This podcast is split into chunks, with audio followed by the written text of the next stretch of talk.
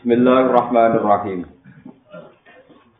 Wa qala alladziina la yarjuna liqa'ana laula unzila 'alainal malaa'ikatu aw nara rabbana. Laqad istakbaru fi anfusihim wa atau utuwan kabira. Yauma yaronal malaikata la busyra yauma idzil mujrimina wa yaquluna hijran mahjura. Wa qatimna ila ma amilu min amalin faj'alna haba'an mansura. Wa qala alladziina Wa qala lan ucap sapa alladziina wong akeh layar juna kang ora arep-arep ora meyakini sapa alladziina. Liko ana ing ketemu ingsun. Eh la ya khofu nanti kuwatir sapa ladina alfa ing anane tangi sangka kubur. Wong-wong sing yakin ra bakal ana tangi sangka kubur iku komentare laula unzila alaina al. Laula unzila mbok yo den turono, hala unzila mbok yo den turono alaina ing atase kita sapa al malaikatu malaikat. Fakanu mongko ana sapa para malaikat urusulan iku pira-pira utusan ilena maring kita. Aw naro to ningali kita robana ing pangeran kita.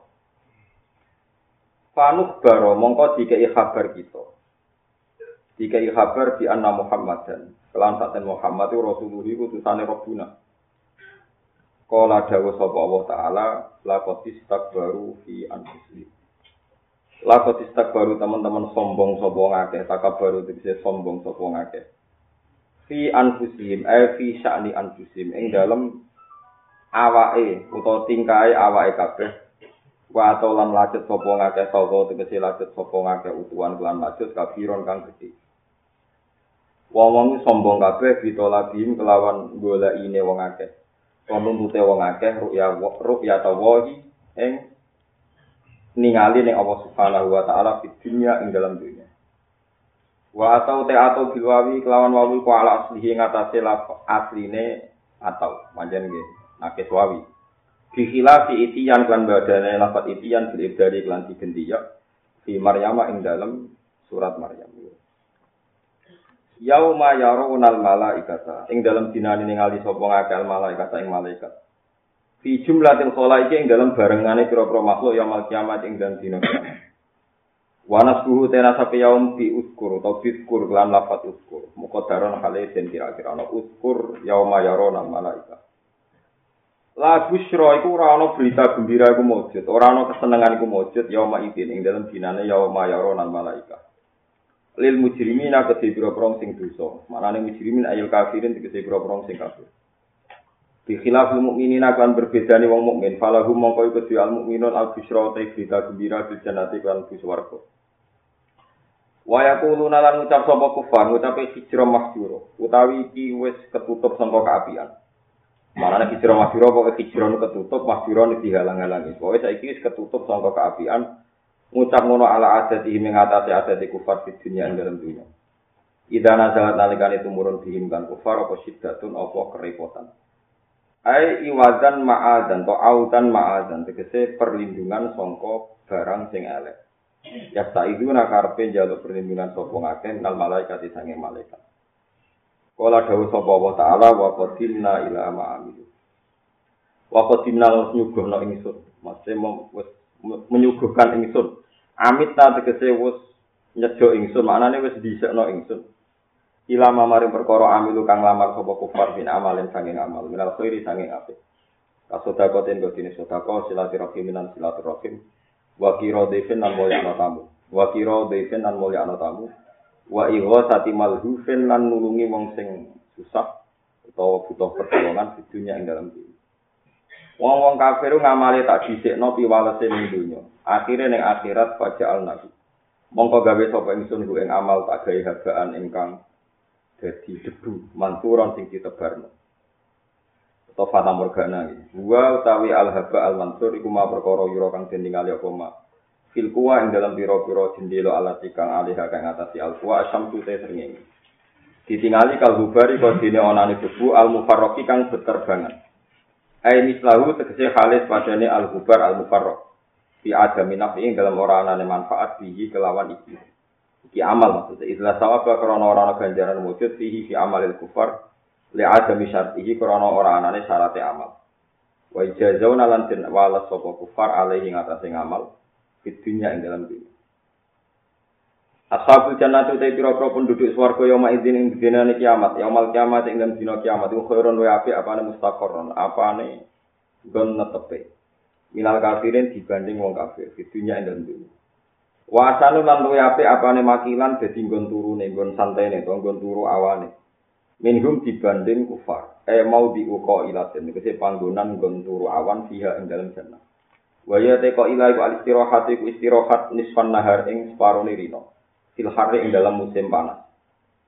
Wa khidalan ten alat ing dalika sanging mungkon-mungkon dawa asanu makila apa ing kido kisab apa selesai ning kisab? Ini sinahar ing dalam separone rino. Kama kau sini perkara waroda kang tumeka apa fi hadis ing dalam hadis Wayo mata sakokula ing dalem nane dinane suwek. Apa asama ulangit. Eh kulu sama ini saben-saben langit. Suweke bil gomami kelan anane mendung azab.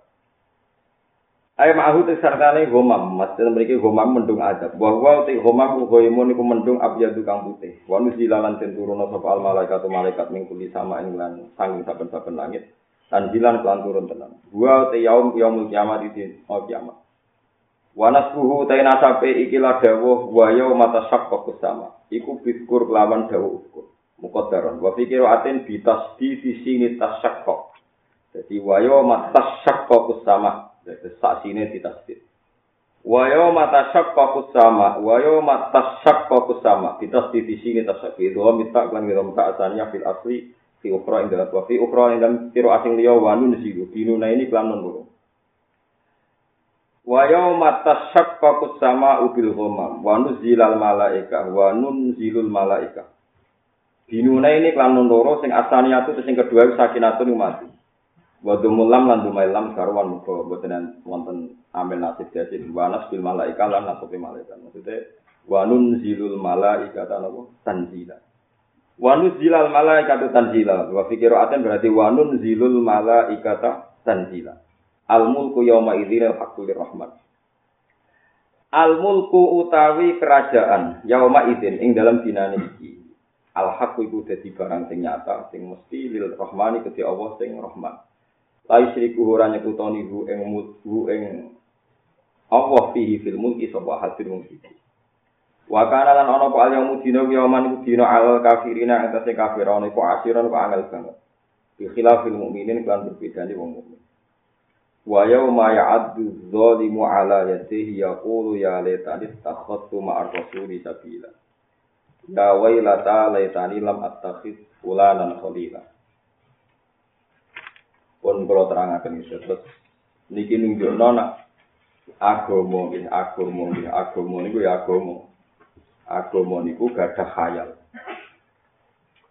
Terus agama mulai zaman Nabi Adam ngantos sama ngantos jimben dugi kiamat. Niku wonten khayal. Khayal niku jenenge padha tapi cara keyakinan boten padha. Misalnya ngaten keyakinan yang Islam kanjeng Nabi Muhammad diutus lewat malaikat Jibril. Tapi wong kafir ora kurang pasal. Yo ora pancen tenan ana malaikat yo malaikat iku muncul.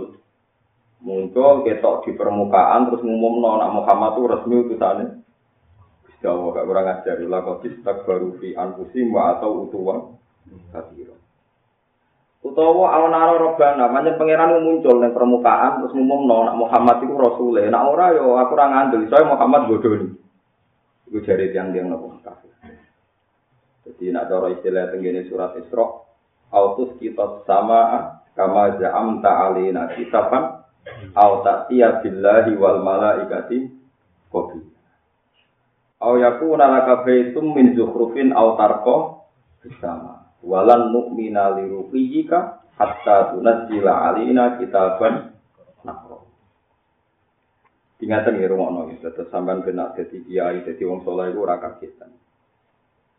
Tiang-tiang kafir percaya anane Allah Subhanahu wa taala. Yo yakin tenan nek tinggal langit bumi kok Cuma ketika Allah milih Rasul Muhammad, mereka janggal. Dan ingin memastikan nak Rasul itu diumumno pangeran Dewi. Itu disebut apa? Al-Ta'tiyah billahi wal malaikati Qabila. Jadi kanji Nabi diapit Allah, misalnya kanannya Allah, kirinya malaikat. Terus dimaklumatno untuk SK. Nak di ini utusannya Allah, kudu di atas materai. Loh iya, yang kafir itu pinter. Wan, walan nu'minali ruqiyika hatta tunazzila alina kitaban. Jadi Muhammad kalau terbang yang langit. Orang kok sekedar terbang, medun gowo kertas berstempel resmi. Nah, di nih. Terus, jadi orang kafir ya mati mulai ini berengkel tapi nopo mati. Terus mati nih. Walan nu'minali ruqiyika hatta tunazzila alina kitaban. Nah,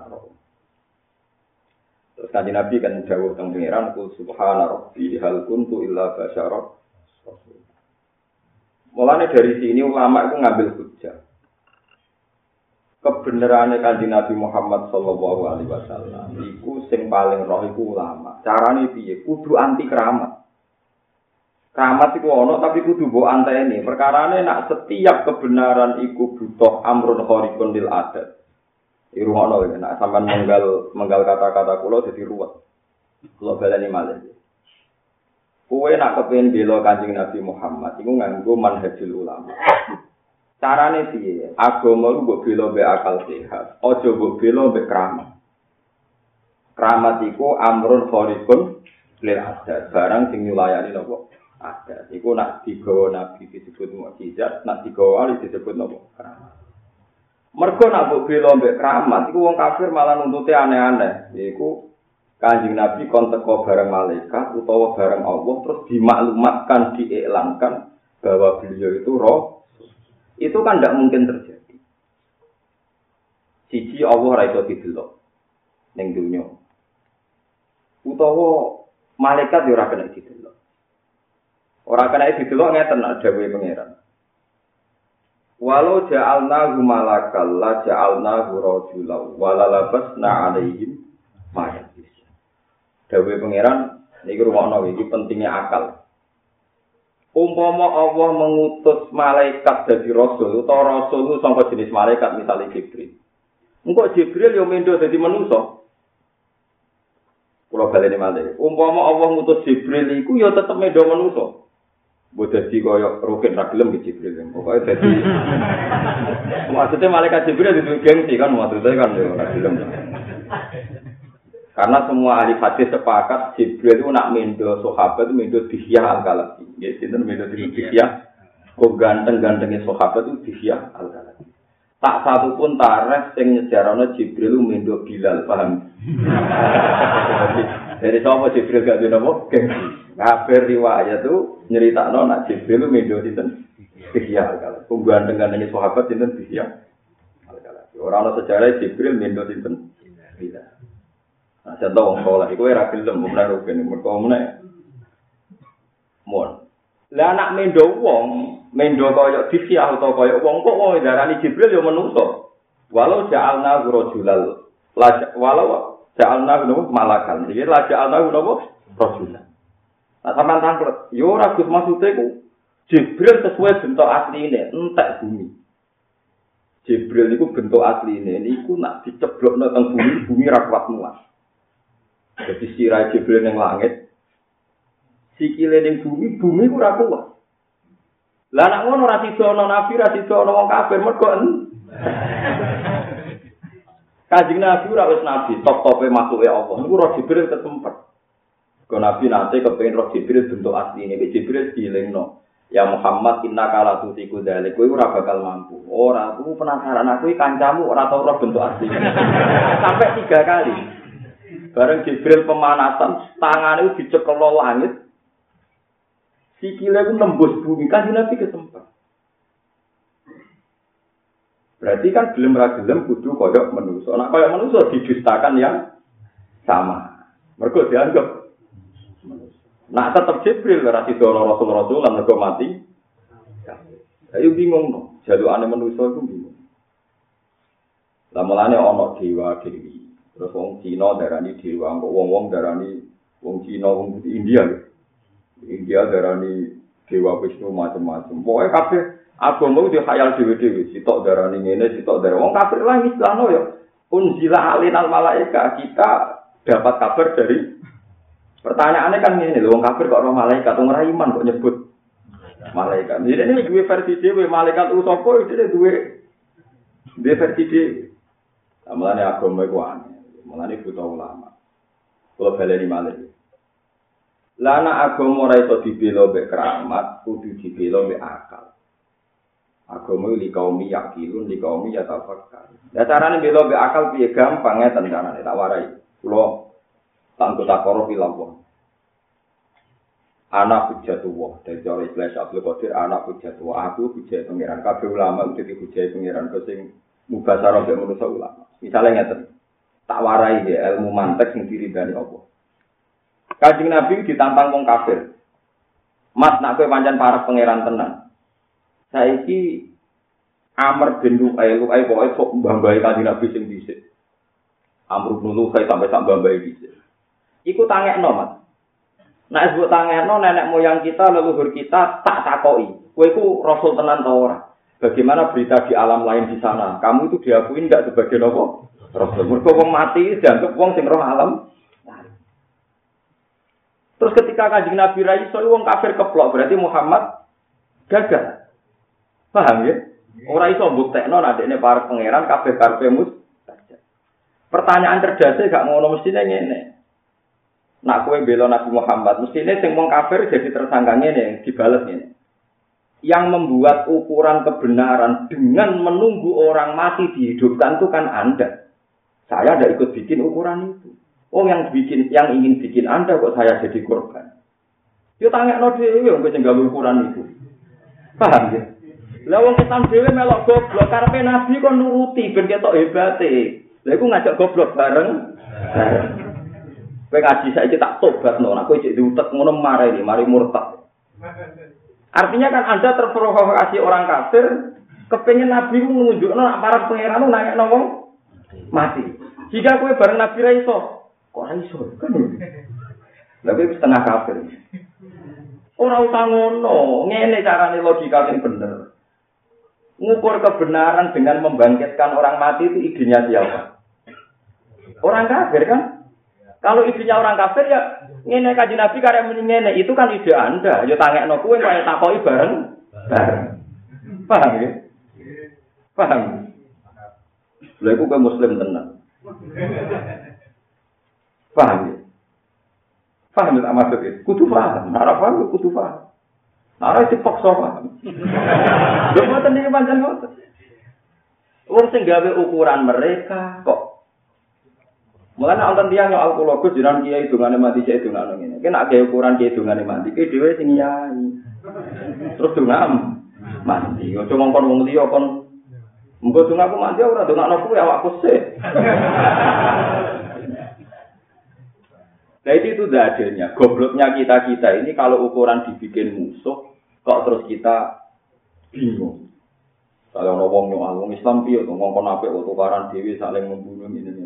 Enggak ada ukuran kebaikan manusia harus ideal. Dunia mulai dicek bercak-bercak, ono saling bunuh, ono zina, ono maling, ono korupsi. Dan nanti ukuran kebenaran itu ciptakan orang yang begitu. Ya ora iso lah, ya menira iso ya wis biasa wae to ngono dunia. Kok repot, kok napa?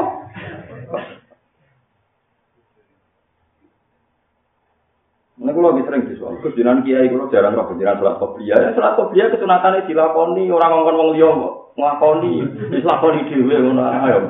Kok repot. Aku wis wong alim nglakoni alim untuk kon sholat kopiah, kowe wis sing kopiah. Apa kowe sing alim apal Bukhari? Malah abot kan. Milah jadi, kalau ngapal Bukhari be sholat kopiah. Ayo, repot. Hanya ulama tugasnya ora oleh kopi sering, mari kok darah di wajib. Nah, salam kira ulama kira tugas itu. Orang tugas jarang-jarang melakukan itu. Jadi zaman sahabat itu orang uang sholat duha tiap hari. Di parani Abdul bin Mas'ud termasuk sahabat senior, termasuk enam orang pertama Islam di maki-maki. Itu nggak syariat sopo duha kok bedino. Apa kayak nandingi sholat perdu. Itu kan paling cepat itu seminggu bisa untuk saulan.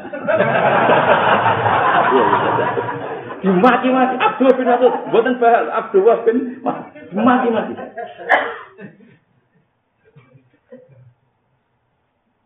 Mulane wonten tiyang sing boten nyunatno poso reje, ora nyunatno poso asyura, termasuk Abu Bakar. Jadi poso asyura disunatno binasi hadisi Rasulullah. Tapi tidak semua sahabat sepakat. Pemenang poso reje. Perkara nih, apa kue apa yang tandingan Ramadan? Dhisik ku romono Ramadan kunna nasumu asyura. Bareng ana Ramadan, famin nama yasum wa min nama yuftir ana sing poso. Jadi yen sahabat ku anggere wong poso kabeh, ana sing tentang poso. Nek ora kabeh ana sing Jadi umpama kok tapi lu kan sering sholat poso. Mulane kata sing poso rejim, mulane kula boten. Umpama kok do ora kabeh kula nggih napa? Poso. Jadi umpama kok Rukin pun alime kados kula kula nggih pensiun. Nah boten nggih. Pokoke pokoke fardu kifayah ojo kabeh. Ya, jadi tarifnya fardu kifayah nak dilakoni salah siji pun gugur. Nak kabeh malah ora oleh. Ya malah kacau kan. Ya kacau dong misalnya satu ono mayit mati, fardu kifayah sak desa salat jenazah kabeh. Satpam leran, bakul leran, tukang bensin, Laren. Wah, tukang rumah sakit yang jaga oksigen. Laren. Kok kabeh sholat? Jenazah. Oh, pasien mati kabeh.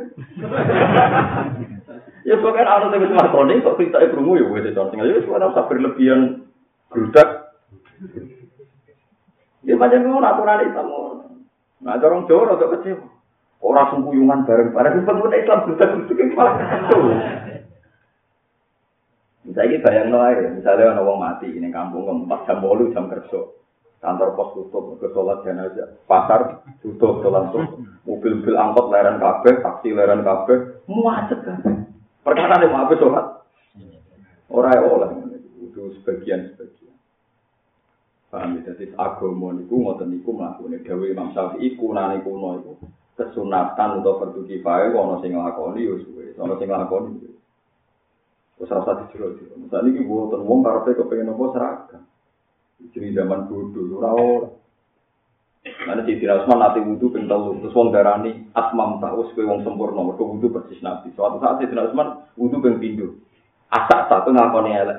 Dari Sayyidina Usman, Hakada fa'ala Rasulullah, tamat doa salasan, wa cinta ini, wa cinta ini, wa wasidatan. Aku itu mantu ini, sahabatnya Nabi.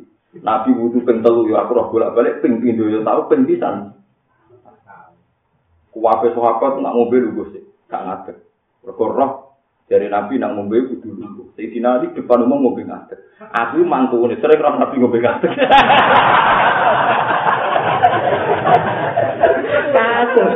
Akhirnya ulama ya Nah, kue kue kan serar, akhirnya ulama tak enak ide kan berkorok. Malah ada keunikan nak ngombe jam-jam kesunatannya nopo. Ngadir. Ya iku lama itu butuhnya juga kestabilan, dia juga nopo. Mau merano lama, sing ngombe ngatek tersangka. Baru kayak ulama, ibu jadi bener tekstina di juara ngombe ngatek. Ya banyak yo tenang, kesunatan itu gue tapi ngatek yo. Wudhu kesunatannya ping telu ping telu tapi ping loro. Mereka logikanya ngaten Dewi Imam Syafi'i, macam ulama ini cerdas-cerdas. Lama gitu. Aku tak pikir cerdasnya nggak Misalnya wudhu wajib ping telu, ya kan ya. Batu istirahat ping telu, tangan ping telu. Ketika wajib ping telu, syarat saya ping telu itu sing angka pertama itu tujuannya apa? Bagian dari tiga apa pemanasan? Pertanyaannya dari Imam Syafi'i, mau wudhu ngenteni saya ping telu, berarti yang pertama kan gak ono gunanya. Kedua ya ora ono gunanya. Bareng ping telu lagi ono gunanya. Jadi artinya nak ping pindo kok ra sida ya ora batal. Terus gunane apa ping siji loro ini? Lah supaya ono gunane ya siji ku anggap ngilangi fardu. Kedua kesunatan, ketiga kesunatan. Mulane kula nu nak makmum masbuk, misalnya makmum Mustafa, nek anggere Mustafa salam pertama kula ya wis ngadeg. Sajane kula ngerti ngene iku elek, sing sing apik ngenteni salam kedua. Tapi ulama kudu ana sing gelem bali lo pokoke salam pertama kudu ngadeg. Nah, kalau sering masuk, santri kalau katut kabeh, berimam salam pertama juga kabeh. ya apa, gue tandingan sing ngenteni salam kedua. Mergo pertanyaannya ngeten. Sing jadi rukun sholat itu salam pertama atau kedua? Pertama, yakin? Yakin. Berarti ketika sudah salam pertama ini imam sudah keluar dari sholat. Kalau keluar dari sholat dia sudah ada imam Anda kan? Kalau sudah ada imam Anda tinggal aja nggak cek apa buat ini wong. Wong dekne dhewe dada kok. Ya, mulane kula bali lho ngger imam salam. Tapi jeneng temu iki cerita hukum itu, gue ini ngilingan. Nak ngono iku hukume ngono iku. Tapi tentu idealnya kan ngenteni salam. Makanya dari Imam Syafi'i nak salam pertama bersalam kok dekne ngentut. Iku gak batal, perkara ini sholatnya selesai. Tapi nak dia salam kedua malah masalah kan? Berarti dia merasa masih dalam kok sholat. Ya, macam hukum itu begitu ya sudah. Kira oleh protes, wong logikanya jangan Jadi malah nak salam pertama berarti orang sudah keluar dari sholat. Berarti kan sudah ada imam kan? Berarti nak aku ijek nganggep iku imam malah keliru kan? Wong ora salat ya, Bu. Kok makmumi kan? Ayo kita aja ayo sing fanatik ngadeg bersalam kedua. Tapi aja nurut madzhab kula aja. Jadi apa? Madzhab Imam Syafi'i boten madzhab kula. Jadi kan arah aku ya bangga Imam Syafi'i. Tapi kena mbok lakoni disalahno wong akeh, sapu wae ngakoni kira melok-melok pokoke. Nah imam salam pertama itu oleh Mergo imam keluar dari salam pertama berarti sudah keluar dari nopo. Paham ya? Tapi api e idealnya yang tadi bersalam kedua, ya hukum sapi api itu seraro. Jadi eleng-eleng kalau baleni malih. Kowe nak bela kanjeng Nabi Muhammad sallallahu alaihi wasallam niku bela nganggo akal. Carane gini iku, nak Nabi dikongkon munggah langit. Nak kowe iso munggah langit berarti Nabi ten Mergo aku roh pengumane pangeran nak kowe nabi. Yo nak saiki sing gawe ukuran wong kafir ya kon munggah dhewe ning langit.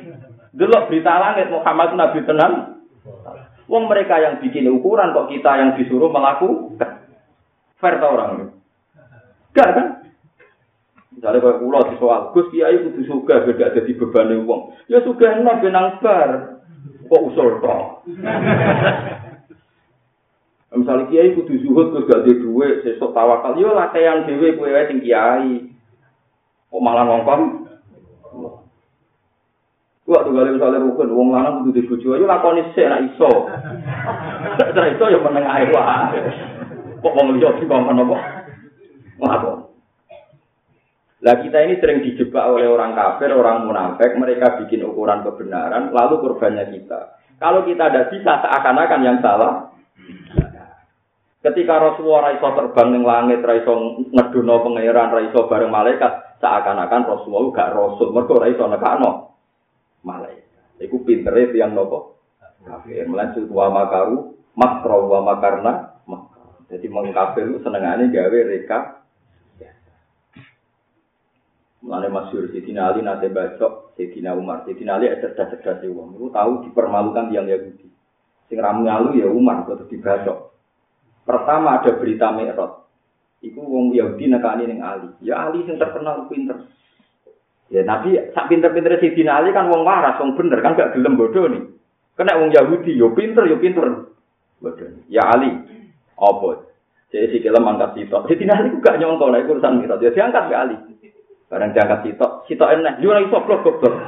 Lah iya ngono jare kancam maksudnya Muhammad. Ngono sofi bukum. Ngono kancam ngeklaim iso terbang nih. langit. Mau gue dewi ngono ya iso. Ya tidak ada kayak ada kurang ajar gitu. Ya tidak ada mau bisa tuh. Padahal Umar mulai di soal alam Sidina ini, gue lagi Sidina Umar. Ya apa diperlakukan yang sama. Bawa Umar, bawa berkewali, bawa muka apa, bawa berkesirah kelakuan Yahudi. Ya Umar, as'aluka amron. Aku apa takut gue. Nah, gue itu jawab, ya sahabat Muhammad tenan orang Maka anak aja sentai ini gue. Dibeli Umar mlebu mek pedang. Pelayan deh.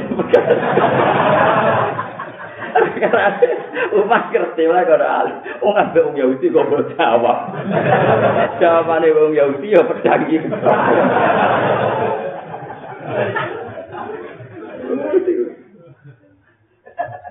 Wong Yahudi ku pinter-pinter. Sampai jadi asbabin nuzule wa inna sayatina la yuquna ila awliyaihim yujadilukum wa in ata'tumuhum innakum la. Wong-wong Yahudi pikirane wis setan. Dan kecerdasan antar setan ini menjadi saling melengkapi. Jadi kaji Nabi ya wongnya lugu, wong lugu. Umi maknanya ke ibu-ibuan lugu, wong soleh lugu. Buka kepengen bodoh lain, jadi nopo umi, Kita kok, ya Muhammad, nak wedus mati, sing mati ini sopo, ya Allah. Ya wajar kan Nabi kan Nabi ya. Aneh mata agama. Sing dipateni Allah langsung haram, sing liwat tangan-tangan manusia sing berlumuran dosa haram. Harusnya yang dipateni Allah itu yang halal karena orisinal. oh, no, kok elek nanti. Tadi Nabi yo mental ketemu wong ngoten nang. Cara kula, cara sahabat, sahabat kan oleh tangkem elek ora nabi. Yo nang ngono pangan dhewe, selesai kan. Tapi Nabi kan gak pantas ngendikan koyo rugen ngono kan ora mungkin kan. Nah, cara aku gampang menong Yahudi ngono, ya wis tak halal pangan dhewe. Paham? Jadi asbab nama wa inna sayatina Juga wa kadzalika ja'alna likulli nabiyyin aduwan sayatinal insi wal jinni yuhi ba'duhum ila ba'din zukhrufal qawli Jadi antar Yahudi antar wong ra bener saling goleki satu makalah.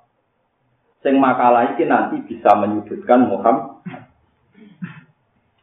Zukhrufal qawli napa? Guru, guru sing iso meni Nah termasuk itu tadi, membuat beberapa ukuran kebenaran. Jika kebenaran ini tidak memenuhi, terus alasan mendustakan Nabi Muhammad.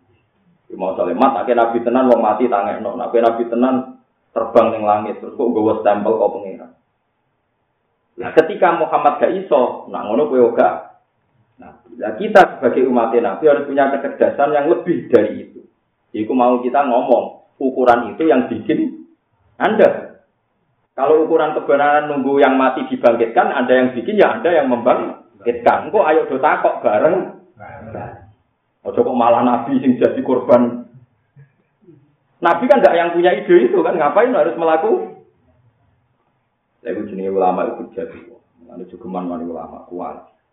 Ini jadi mereka disebut bahwa ayatum bayinatun fi suduril ladina utul ilm. Quran itu mau jadi ayat yang bayinat itu ning dadane wong sing duwe. Kalau sering ditanya orang-orang yang anti poligami, tak kok ini. Pak Bahasa ini masih janggal. Kenapa sih Nabi itu harus menikah sampai sembilan? Kan kenapa poligami itu sunnah? Meskipun gue ramanillah, gue itu yakin nak poligami itu sunnah. Paling tidak kita masih bisa menjawab. Saya ini nak ono bajingan preman, ngeloni wong papat terus dua anak papat. Babunan papat di anak limo berarti limo peng papat. Kira kan? Dua. Jadi preman kabeh. Sing soleh di bojo sitok, anake lagi sitok. Pemene dikon kabeh. Nah, saiki berarti wong nakal duwe populasi 20, wong soleh loro. Lah iku nak nganti tiga generasi sak kampung sing 4000 ku dolim, sing 20 Kue ridho no kejadian wong soleh meno. Wes tapi rawani wayo itu roh carane hujah. Soal rawani itu urusan mbek bojomu urusanmu dhewe. Tapi kue de logika hujah ben gak janggal ambek kanjeng Nabi Muhammad sallallahu alaihi wasallam. Paham ya? Begitu juga masalah ifat. Cawe itu mbok rabi itu jadi gak zino, jadi wong apik. Berarti kowe ngapik wong sitok. Iku ya apik, loro luwe apik, telu Ya ngono wae. Tapi ini gugus lo nak payah ucul sitok iku urusan nem. Tenangane kok bantah. Paling gak kowe roh kena apa nabi ku poligami, sahabat poligami mergo ngapikno wong sitok wae apik. Apa nek ngapikno wong loro. Apa meneh? Wong diwari hujah wae kok ngenteni wis. Ya pokoke hujah iku logika kira usah iso buktekno, paham nggih? Mpun tak kandhani ya kene selamat donya napa? Akhir. Masa kowe kalah mbek wartawan Republika, wartawan KR? Tidak, saya ini nyata, saya punya sejarah nyata. Ketika Agim ya Agim yang terkenal dulu kan poligami terus jatuh. Walhasil terus tulisan di media-media nasional itu, kok yang dikritik tidak Agim, tapi tentang poligami. Bahwa poligami itu hanya nuruti seks, hanya nuruti pemuasan nafsu. Dan yang nulis itu tokoh-tokoh muslim. Yang mungkin terjebak, nggak tahu permainannya mereka. Walhasil ada wartawan, ya ada wartawan Republika, KR beberapa itu tanya saya, Pak Bahak, saya ini ahli jurnalistik, bapak ahli hukum Islam. Begini loh, kalau Aadim jatuh itu tidak apa-apa, dia hanya seorang Aadim. Tapi sekarang semua tulisan itu mengarah umat Islam dididik janggal dengan poligami. Sampai tahu tujuannya biar umat Islam janggal dengan Nabi Muhammad Shallallahu Alaihi Ini yang kita khawatirkan. Jadi semua tulisan kok kritiknya terus pada poligami sudah tidak bahas supaya orang Islam semuanya janggal pada nabinya karena nabi itu yang diinginkan sampai mereka-mereka mensomasi supaya tulisan itu dihentikan akhirnya dihentikan. Yang nulis ya tokoh-tokoh. Ini ya memang kita maklumi kalau yang nulis perempuan anti poligami mungkin anda sebagai pakar tidak apa-apa. Anda punya trauma takut istri hidup anda dari istri. Tidak apa-apa kamu takut tidak apa-apa. Tapi jangan hilangkan hujah bahwa itu sunnah. Paham ya paham ya? Serane kok terus goblok tak utek Nek rawani rawani wae urus urusanmu dhewe, paham ya? Coba sekarang sampean pikir, misalnya saya keceluk Gus Alim, janggal pisan mbek poligami, sok Indonesia janggal. Diam-diam orang awamnya yang imani pas-pasan. Nabi kena dindut sayang bojone. Nah, muni karena semuanya nggak tahu logikanya. Coba betapa musibah ini besar sekali. Wong Islam janggal abe Nabi. Coba kalau semuanya terlatih kayak saya, masih orang wani wayo lah, terlatih kabeh. Nulung sito ape loro. Gentowe anake akeh. Berarti populasi ini nak wong soleh populasi ini sithik kalah ambek berarti populasi akeh. Ape semua orang ngono Lah nek bayangno, tapi nak akeh bapak Ruben marah terus gizi buruk kabeh. Sing dolen sehat-sehat. Misalnya terus gue bayang nong, kok sih gue bayang nong rugen, wong Islam Ning Jakarta si Sugih rompok rugen tok ku laupo lho maksudnya. Kita kan salah contoh kan. Ya misalnya contoh Islam Abu Rizal tadi kan ayo kena laupo contohnya apa? Lah kadang sing bantah kok sing bantah nyontokno. Misalnya rugen wayo bojo. Terus anake gizi. Lha laupo contohnya sakri tengi laupo. Sing kon gawe contoh rugen iku sapa?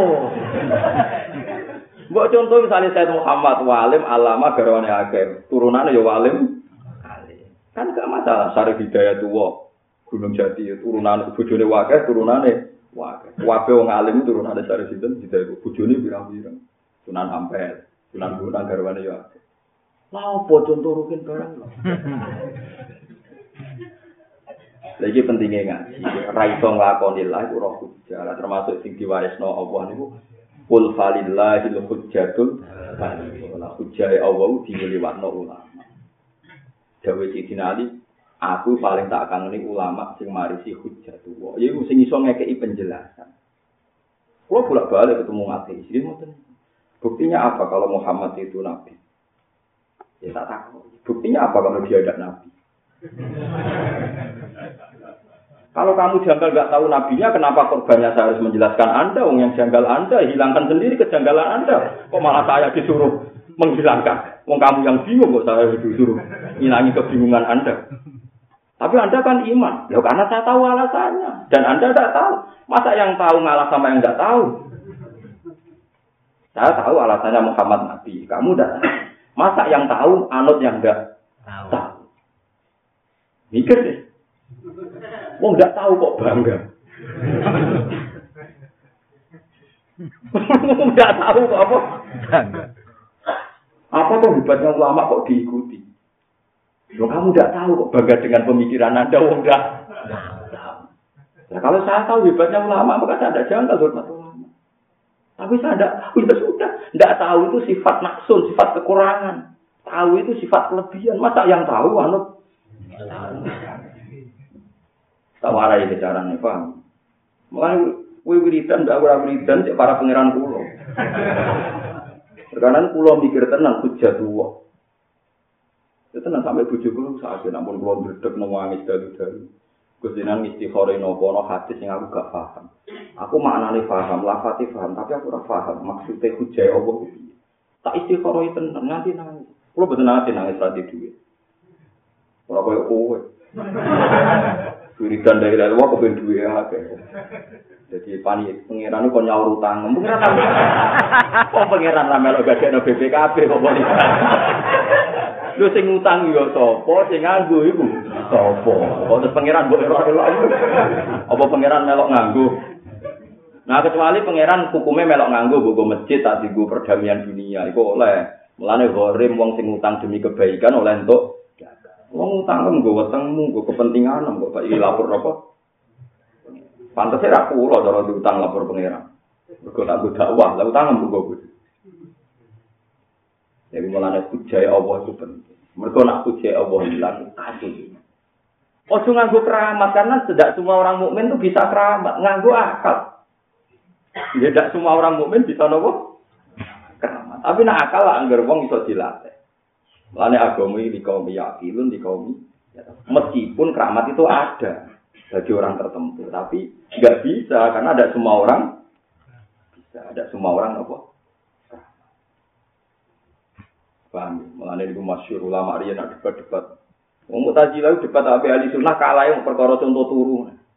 Menurut saya manusia itu bisa menentukan keinginannya, jika dia menciptakan keinginannya sendiri. Buktinya kepengen ngadeg ngadeg, kepengen luguh-luguh.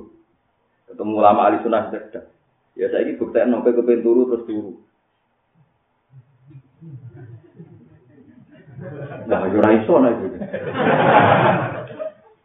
Mana Allah dawuh wa min ayatihi mana mukum billahi mana ayat kejayaan Allah malah wong iso turu. Pas karep ra iso. Pas karep iso. Piye gitu.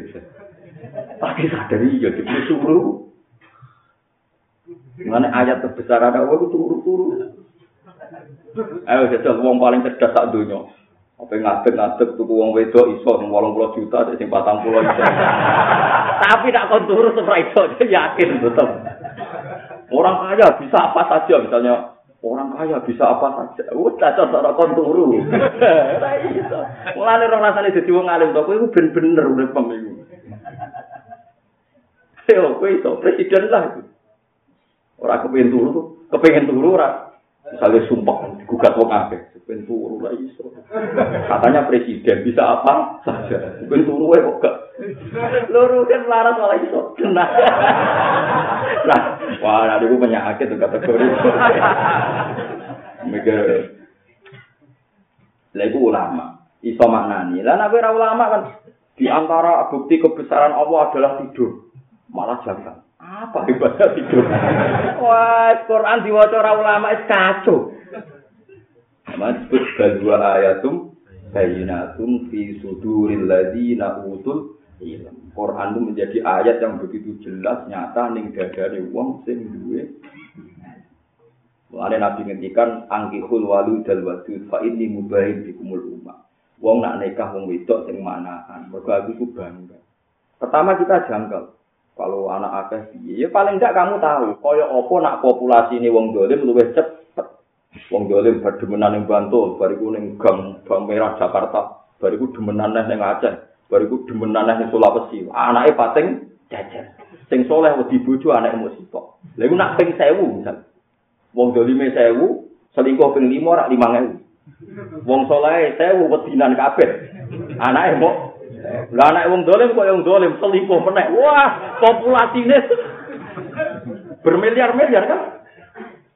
Paling ndak kira rawani wayo Allah ora logika iku. Wis sakit tetep rawani ku apik. Mau wis ngadu kula tak jamin itu bagus. Wis bikin masalah, paham Tapi kue roh logikane ben gak janggal mbek Kanjeng Nabi. Ini tok kepentingane ulama iku wong gak janggal mbek Nabi blok kok Wangel teman rangno kowe. Paham kan, ya orang wani lah, ya tak jamin ya. Ya biar aku kuat barang, rugi. Jadi rawayo kan kemungkinannya lho, rawani ya, Mbak. Wah. Soalnya sing kuat, tapi rada kesempatan.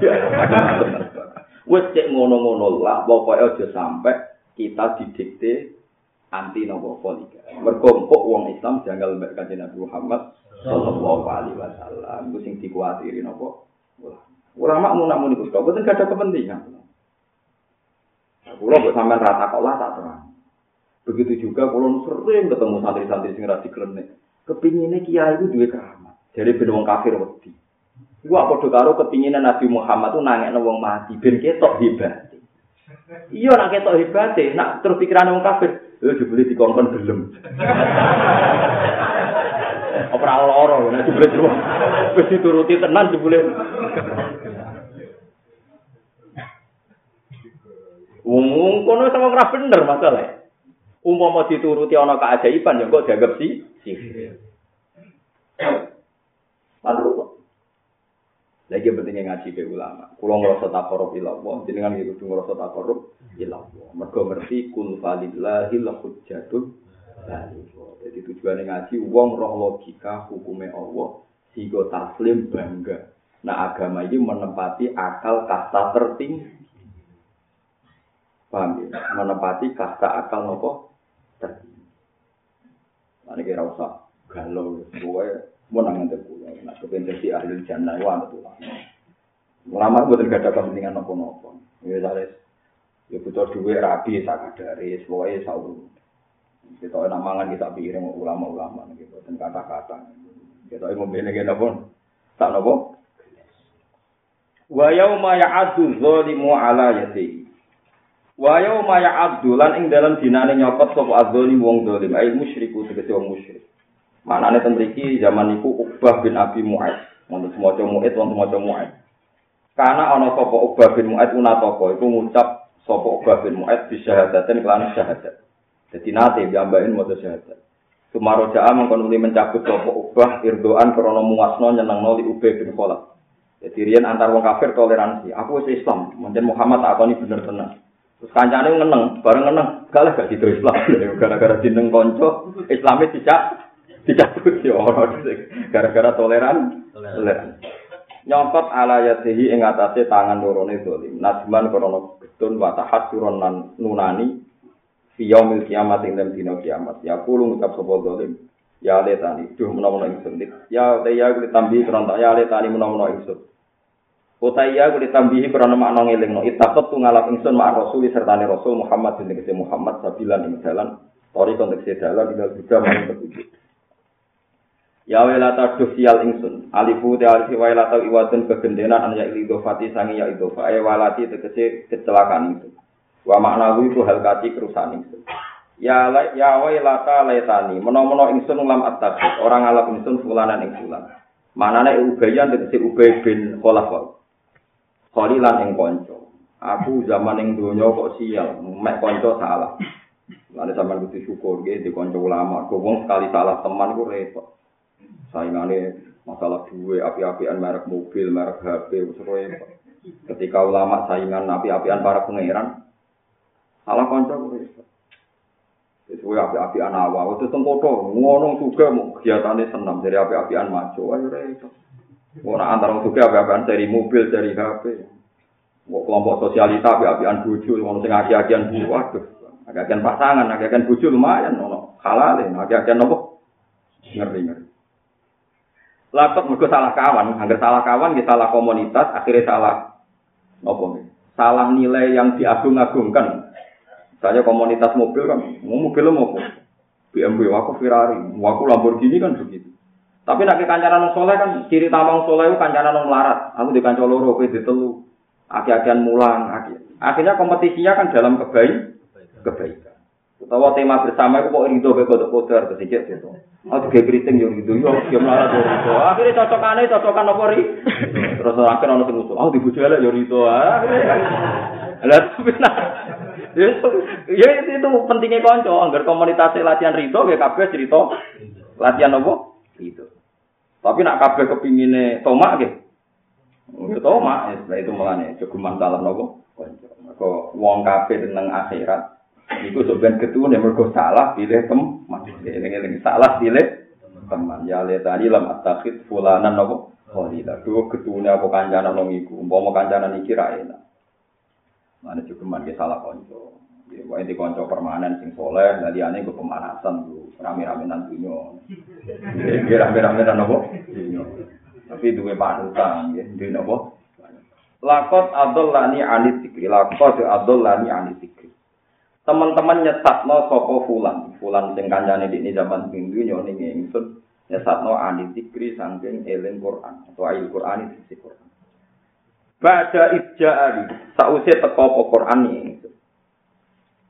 Ai anrot gani krana iso balekno sapa Khalil ni ingsun alil iman sing iman di lan Cek ketunku gara-gara ngurusi konco, aku iman di Quran, jadi ini orang apa i?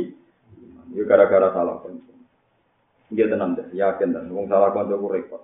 Kala dawu sapa wa ta'ala wa kana syaitanu bil insani qadula. Wa kana lan ana sapa setan setan insani marang manusia. Kula niku ora niki kula cerita pengalaman kula. Kula yo kata konco kiai. Ya sebagian yo bener, sebagian yo rondo ora bener. Mulane iku nak cerita kula niku kadang ya menggiurkan. Kowe nak Gus kancanan pejabat, haji bareng pejabat kowe nak. Wis difasilitasi ono ajudan, enggak menemukan kesulitan sama sekali. Kita sebagai kiai punya nafsu kadang yang tertarik.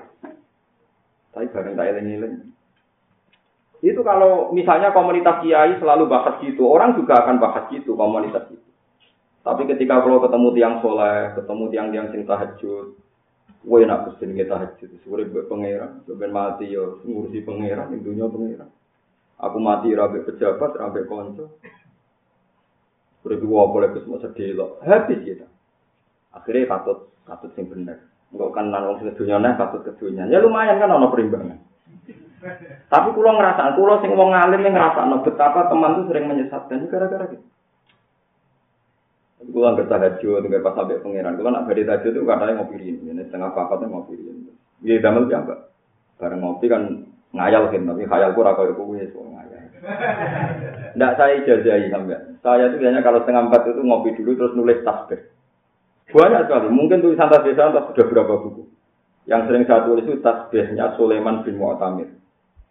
Yaitu ya subhanallah bil al mizan subhanallah bil as-samawati wal ardi subhanallah bil amal khalaq subhanallah wa zinata ma khalaq subhanallah wa zinata ma huwa itu tak tulis tak hayati. Yes gitu akhirnya nikmat.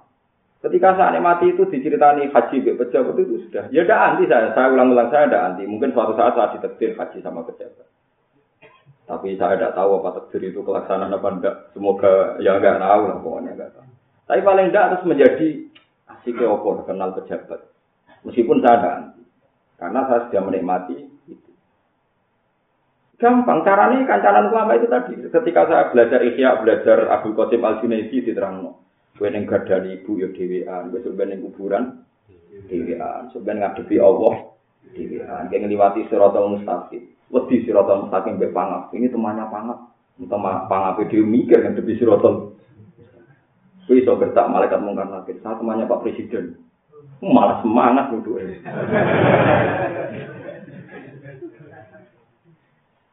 Nah, jajal ke kancanan wali. Mungkar nakir mikir.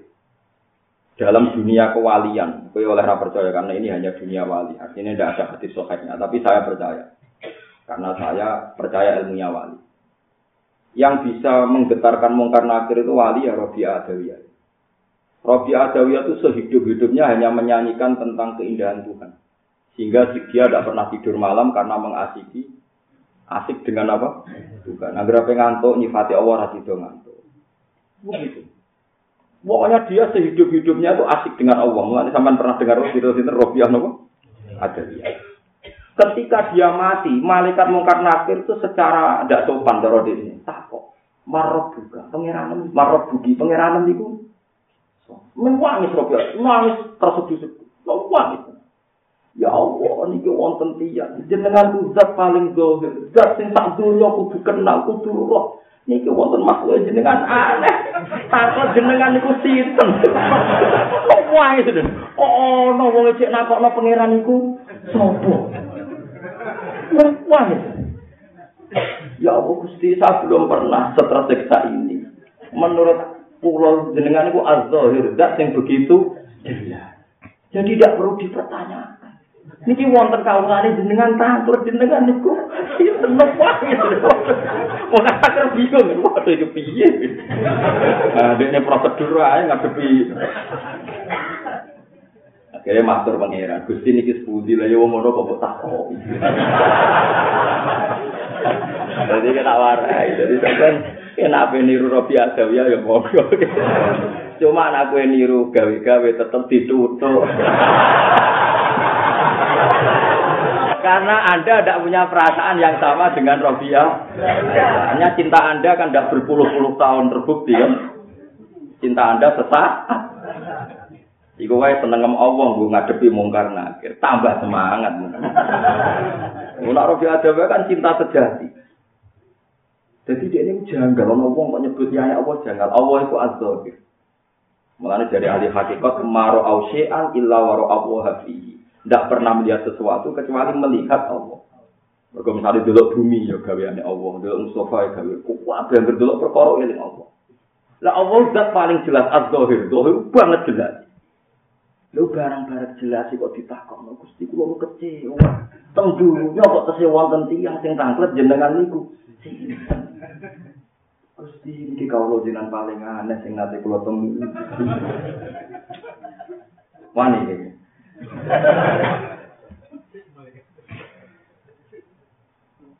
Wani kan, monggo dijajal sebagai Jadi kancanan wali di pikiran wali, kancanan wong dolim akhirnya di pikiran apa?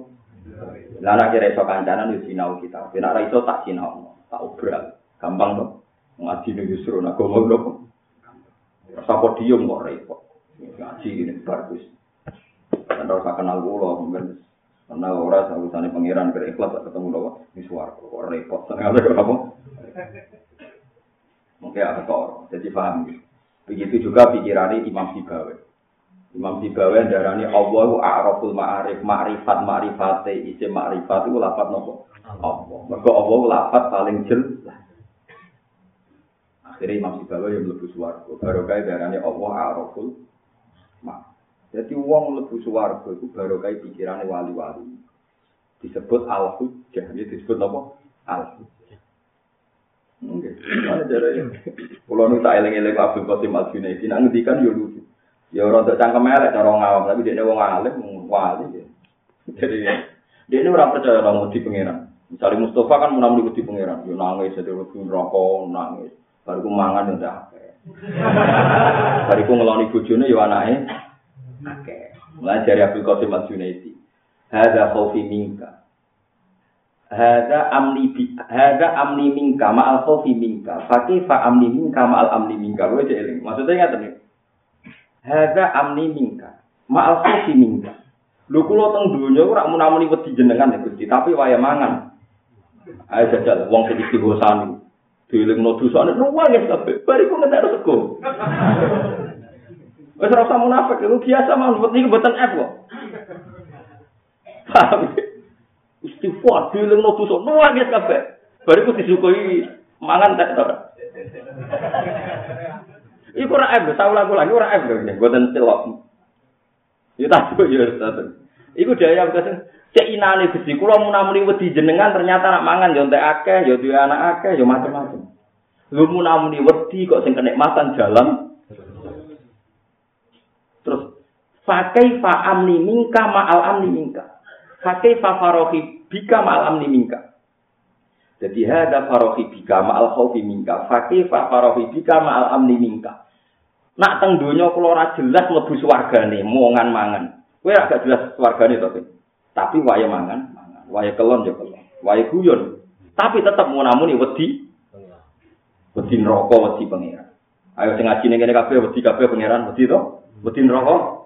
Mangane jalan ta mandek. Kelone jalan ta mandek. Gusti, lha niku sing mari termasuk Abdul Qasim Al-Junaidi para pangeran.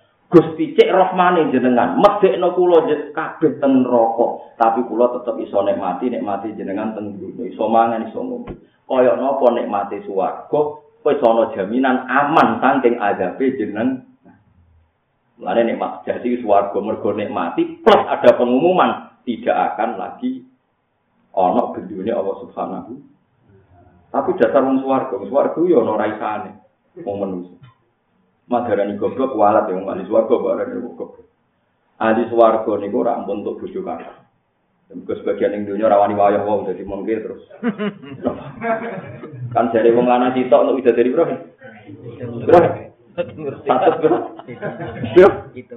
Pitung puluh dari Mustafa. Jadi cita-citanya pitung puluh. Tawangannya khusyuk ini, ini cita-citanya. Jadi gaya tok dan ya khusyuk gaya tok. Tetap cita-citanya ngeloni umroh. Tapi terus kalau ada yang pitung puluh, mesti semangat-mangan. Ono pengumuman kok pangeran, ya ahlal jannah. Apa kamu itu punya permintaan? Ibu ahli jannah mulai mikir ya Robbi, saya itu mau minta apa lagi? Kita wajahnya sudah putih, alam tuh bayi tujuan. Nah, kita sudah ganteng semua, gak beriting itu sampai sampai. Terus juga kok nopo malik, bujuk gempur kata macam. Terus dawe Allah, saiki tak umum no, nak itu tak ridani ora bakal tak bentuk. Lagi so, wong sak suwargo sujud syukur suweneng apa senengnya saat itu. Ternyata bertahun-tahun dia kelon mangan gak sadar suatu saat diusir gak mikir. Wong rong diumumno kemungkinan diusir kan lagi pikir. Padahal Gus Wato kelon mangan kelon ngono. Bareng dilekno pangeran saiki ukhillu lakum ridwan iki saiki tak ridani. Fala asqatu alaikum ba'dahu abadan. Dia bakal tak bentuk. Ya Allah Gusti wingi-wingi ternyata kula salah. Wong urung tok legalitas. Tapi Allah maklumi, paham ya Allah napa? Maklumi. Nah, sini kelakuane wong nggih ngoten iki. Nah, yang gede kok nang swarga, breng lali gurune, lali nabi langsung.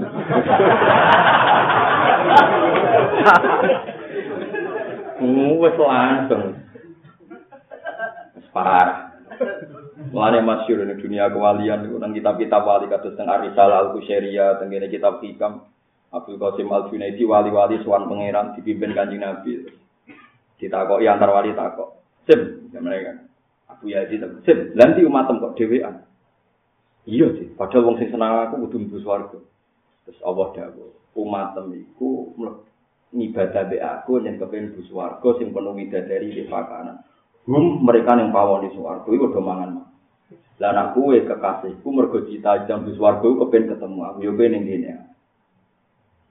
Ya, ya, tapi kan sesuai rencana, memang inginnya itu ya sudah. tapi alhamdulillah pangeran itu orang tersinggung. Wong mlebu omahe pangeran ora pamit. Yo ora sowan sik kok dibarno. Lho iku atangke. Lho cara aku sing doa mata usir. Lha iku gak ana riwayat pangeran ter Ya abal kosim wong-wong iku cita-citane keluarga iku mangan-makan. Mulane ora wor kuwe iku do ning pintu ning pawon-pawon ini apa? Swarga. Tapi cara kula nggih mun sae bagus. Cek cuma cek ra sopane maksudnya mlebu. Mane lewat ngaji niki kula suwun ana ijek sadar nggih eling. Pokoke mlebu pertama niku Gusti kula madosi jenengan badhe nikmati Tapi nak wis ra kuat ya wis. Wes susunudone pangeran, nah iki wis ngempet rawa ya wis bojo macam-macam sing dunya wis ngempet melarat ya macam-macam wis. Paham ya terus mlebu swarga ya kelas-kelas ini cuma nggih wae kula pesen uang nak kancanan wali misalnya kira menangi Imam Ghazali Abdul Qasim Al Sisi menangi karyanya Oh, nak raiso ya takut ulama. Kalau nggak ada naskah wali itu banyak. Di antara kitab Tobaqatul Auliya karangan Imam Sa'roni. Imam Sa'roni itu uh, muridnya Imam Zakaria Lansori. Makanya banyak kiai Jawa jadi nopo Syaroni karena dulu ada wali kutub namanya siapa? Syaroni. Saya punya naskah itu banyak sekali, tidak sekedar banyak sekali. Namanya Tobaqatul Aulia. Jadi kelasmennya para wali dan itu enggak ada nama anda di situ itu. Jadi wali orang kelasmennya kan. Wali songko ulama, misalnya Imam Syafi'i, Imam ini, wali dari kelas kutub ini, ini wali Abdal ini. Uh, saya tidak tahu kenapa nama anda ada ada, tapi saya yakin beliau bikin itu tidak karena sentimen. Jadi yang tidak masuk-masuk memang ya tidak masuk, memang yang tidak masuk. Nah, teman-teman, cara nih ya Gus, mereka itu orang-orang khusus yang punya kriteria, punya ya karena mereka punya aturannya sendiri. Tapi yang saya itu tidak per, apa ya, saya tidak peduli dengan keramat-keramat wali itu tidak peduli. Hanya tidak peduli itu itu tidak penting untuk cara kita benar Nabi Muhammad. Yang penting adalah cara berpikir mereka, akal mereka, cara mencintai Allah Subhanahu Nah, itu yang saya kira. Itu tadi misalnya Abu Qasim Al Junaidi Abu Yazid itu tiap mangan ngendikan ngeten. Gusti kula seneng jenengan niku wajar. Wong jenengan sing ngekeki mangan kula. Jenengan sing ngekeki tempat kula, ngekeki nikmat kula. Jadi kula seneng jenengan iku wajar. Sing boten wajar jenengan kok seneng kula, padahal jenengan enggak butuh. Loh Allah tuh enggak butuh kita, tapi Allah mencintai kita. Loh coba Allah ngasih kita makan tuh alasannya apa? Wong Allah enggak butuh kita. Lho kayak ngekek mangan buruh butuh pekerjaannya, ngekek mangan bojo kayak butuh ngeloni. Wong ora butuh kok ngekek. Coba baru kayak saya baca itu, cinta saya sama Allah itu menaik mungkin seribu derajat. Karena saya kagum sama Allah, nggak butuh kok ngasih. Coba Anda pergi ke Jakarta, kenal orang yang nggak butuh kamu, dikasih satu juta aneh nggak aneh kan? Nggak butuh sama sekali sama kita. Allah itu nggak butuh sama sekali sama kita, tapi ngasih. Dan pikiran itu kita temukan dari naskahnya para Ya aneh tuh, kan ora butuh kok. Lah nak kowe mau seneng pangeran, terus gua anggap itu ibadah tertinggi, ya seneng pangeran ibadah tertinggi, tapi ono wajar, banyak dia butuh ora. Kayak kowe seneng wong ayu kan wajar pancen ayu. Dan wong ayu seneng duit. Semper mesti kan aneh. Lah Allah itu zat sing paling bener, paling hak, paling waras, paling bener, paling kabeh ora butuh kue ngekei, ora ono liya kecuali saking rahmane Allah Subhanahu Coba kita baca ya Rahman ya Rahim tiap hari, tapi tidak bisa kita mencintai Allah secintanya Zakaria Al Ansori, Abu Yazid Al Bustami karena mereka punya hujah, punya apa? Ya di antara hujah ini wong jenengan ra butuh kok nyuka. Kowe tak korup nang nganggo cara dhewe. Mocone banter-banteran aki-akian. Nah, bar iku mangan wae. Ngono tok. Dadi ilmu. Jadi itu harus ulama sing ilmu ini. Tapi wong di kekurangan sing ulama ra iso wiridan. Nah, akhirnya dikritik. Natane ra kuat wiridan. Suwe dari sing ulama, kowe wiridan kowe seneng pangeran ngono-ngono wae lah wis. Ora usah melo-melo nih. Soale sing ikhlas nanti kritik is meneng ae, kok cocokan sing mlebu swarga nanti. Mboten mau tantang usah ora penting. Adu argumentasi tentunya mboten apa. Borge, eleng-eleng itu salah teman, salah pemikiran itu bahaya. Mereka tiang teng neraka jengken ketune napa? Ya letani ya wailata letani lam attakid fulanan falila. Laqad adzallani 'ani dzikri ba'da ijjan. Wa kana lan ana sapa setan setan insani mari manusa il kafir iki sing kafir khudulan iku seneng nginakno. Maksudnya seneng menyengsarakan. Bi ayat rukau, bi ayat rukagu. Gambare arep ninggal sapa setan ing wong dolim. Tapi tak usah ditinggal wae tabarru alan dada ya utawa napa lebaran sapa setan ing sanggung dolim ing balak nalikane siksa wa rasulullah